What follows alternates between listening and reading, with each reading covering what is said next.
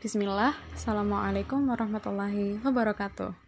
Halo Sobat Kebaikan, ketemu lagi sama aku di podcast Berbagi Kebaikan.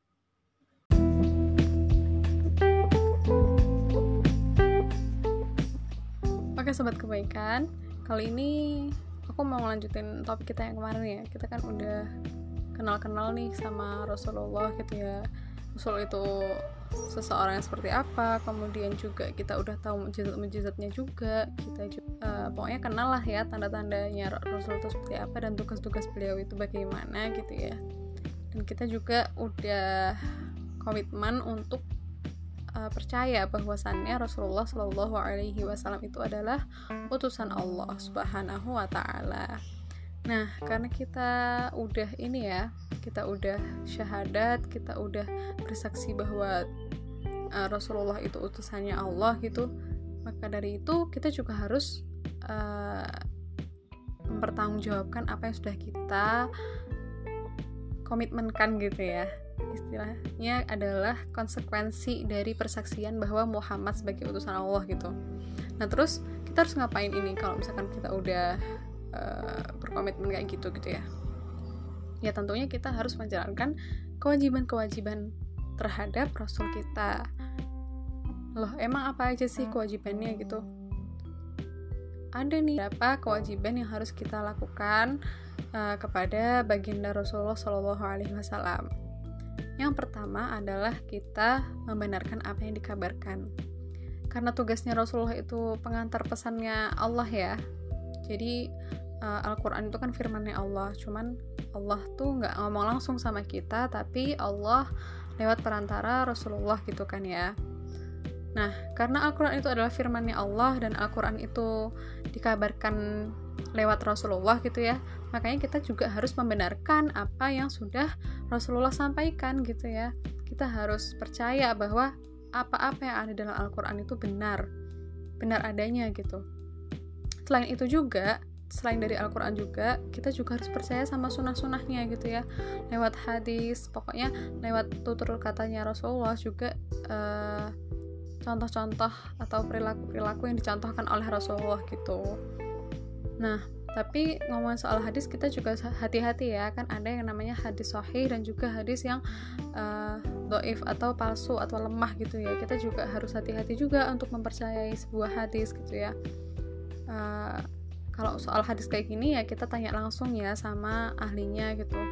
Sama ustadz atau ulama yang sudah ahli dalam bidang kayak gini gitu ya. Kalau misalkan kita nemu hadis dan kita ragu-ragu ya kita cari dulu uh, dicari di sumber yang terpercaya juga. Terus juga ditanyain juga sama alim ulama gitu ya. Kemudian kewajiban yang kedua itu adalah menaati semua perintahnya. Ya pokoknya ya apa pun yang diperintahkan Rasulullah itu pasti berasal dari Allah kan ya? Karena Rasulullah itu kan adalah ya tadi yang aku bilang sebagai pengantar pesannya Allah gitu. Makanya kita wajib banget untuk menaati semua perintahnya. Misalkan kita disuruh sholat ya kita sholat. Kita disuruh puasa ya kita puasa dong gitu ya.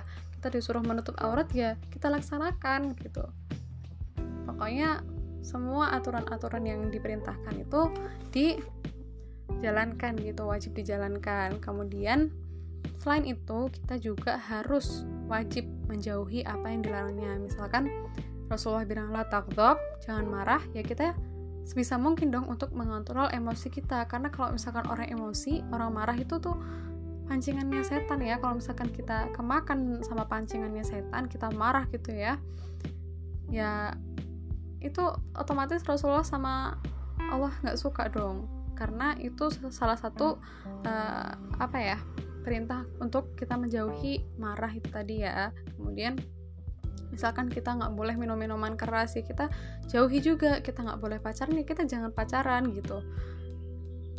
Itu juga termasuk kewajiban yang harus kita tunaikan kepada baginda Rasulullah Shallallahu Alaihi Wasallam menjauhi segala yang dilarangnya. Kemudian yang keempat adalah tidak beribadah kecuali dengan syariatnya. Jadi kalau misalkan ada orang nih dia uh, sholat subuh gitu dua rakaat kan aslinya. Tapi dia bilang aku pengen lebih deket sama Allah gitu. Uh, aku tambahin satu rakaat lagi nggak apa-apa lah ya gitu ya biar Allah senang gitu. Ya nggak gitu juga karena syariatnya syariatnya itu udah sholat subuh ya dua rakaat aja. Kita nggak bisa mengurangi atau menambah atau mengubah gitu. Jadi kita beribadah sesuai dengan syariat yang sudah Allah eh sudah ya, yang sudah Rasulullah Shallallahu Alaihi Wasallam ajarkan kayak gitu nah apakah cuma empat poin itu aja yang perlu kita lakukan terhadap uh, Rasulullah gitu ya? Enggak masih ada yang lain nih. Kita harus uh, juga mengimani mengimani itu artinya kita percaya bahwa itu tadi Rasulullah Shallallahu Alaihi Wasallam itu adalah utusannya Allah. Kemudian kita wajib mencintai Rasulullah. Kemudian tapi mencintainya ini ya karena cinta pertama kita tuh kepada Allah. Nah cinta kita selanjutnya tuh baru kepada Rasulullah. Karena Rasulullah ini kan utusannya Allah kasihnya Allah gitu ya. Makanya ya cinta kita kepada Rasulullah itu juga harus besar gitu. Tapi uh, posisinya ada di bawah cinta kita kepada Allah gitu. Kemudian kita kudu mengagungkannya juga. Kita juga harus membelanya. Nah kalau misalkan ada yang menghina Rasul kita nih kita wajib dong membelanya gitu ya. Dengan berbagai usaha berbagai uh, pengorbanan berbagai cara apa pun yang bisa kita usahakan gitu.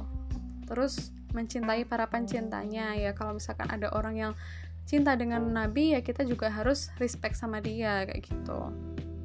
Terus juga menghidupkan sunahnya sunah-sunah nabi itu kita tunaikan kayak gitu ya. Sunah-sunah yang dianjurkan oleh nabi kayak sunah puasa senin kamis atau uh, sholat rawatib, sholat tahajud dan lain sebagainya pokoknya kita menghidupkan sunah-sunahnya kita juga wajib memperbanyak sholawat mengikuti risalahnya juga mewarisi risalahnya ya pokoknya itu tadi ya beberapa poin yang bisa aku sampaikan uh, kali ini semoga ini bisa jadi insight baru ataupun reminder buat aku, kamu dan juga kita semuanya. Ya, semoga bermanfaat. Uh, maaf kalau ada salah-salah kata. Wassalamualaikum warahmatullahi wabarakatuh. Semangat menebar kebaikan.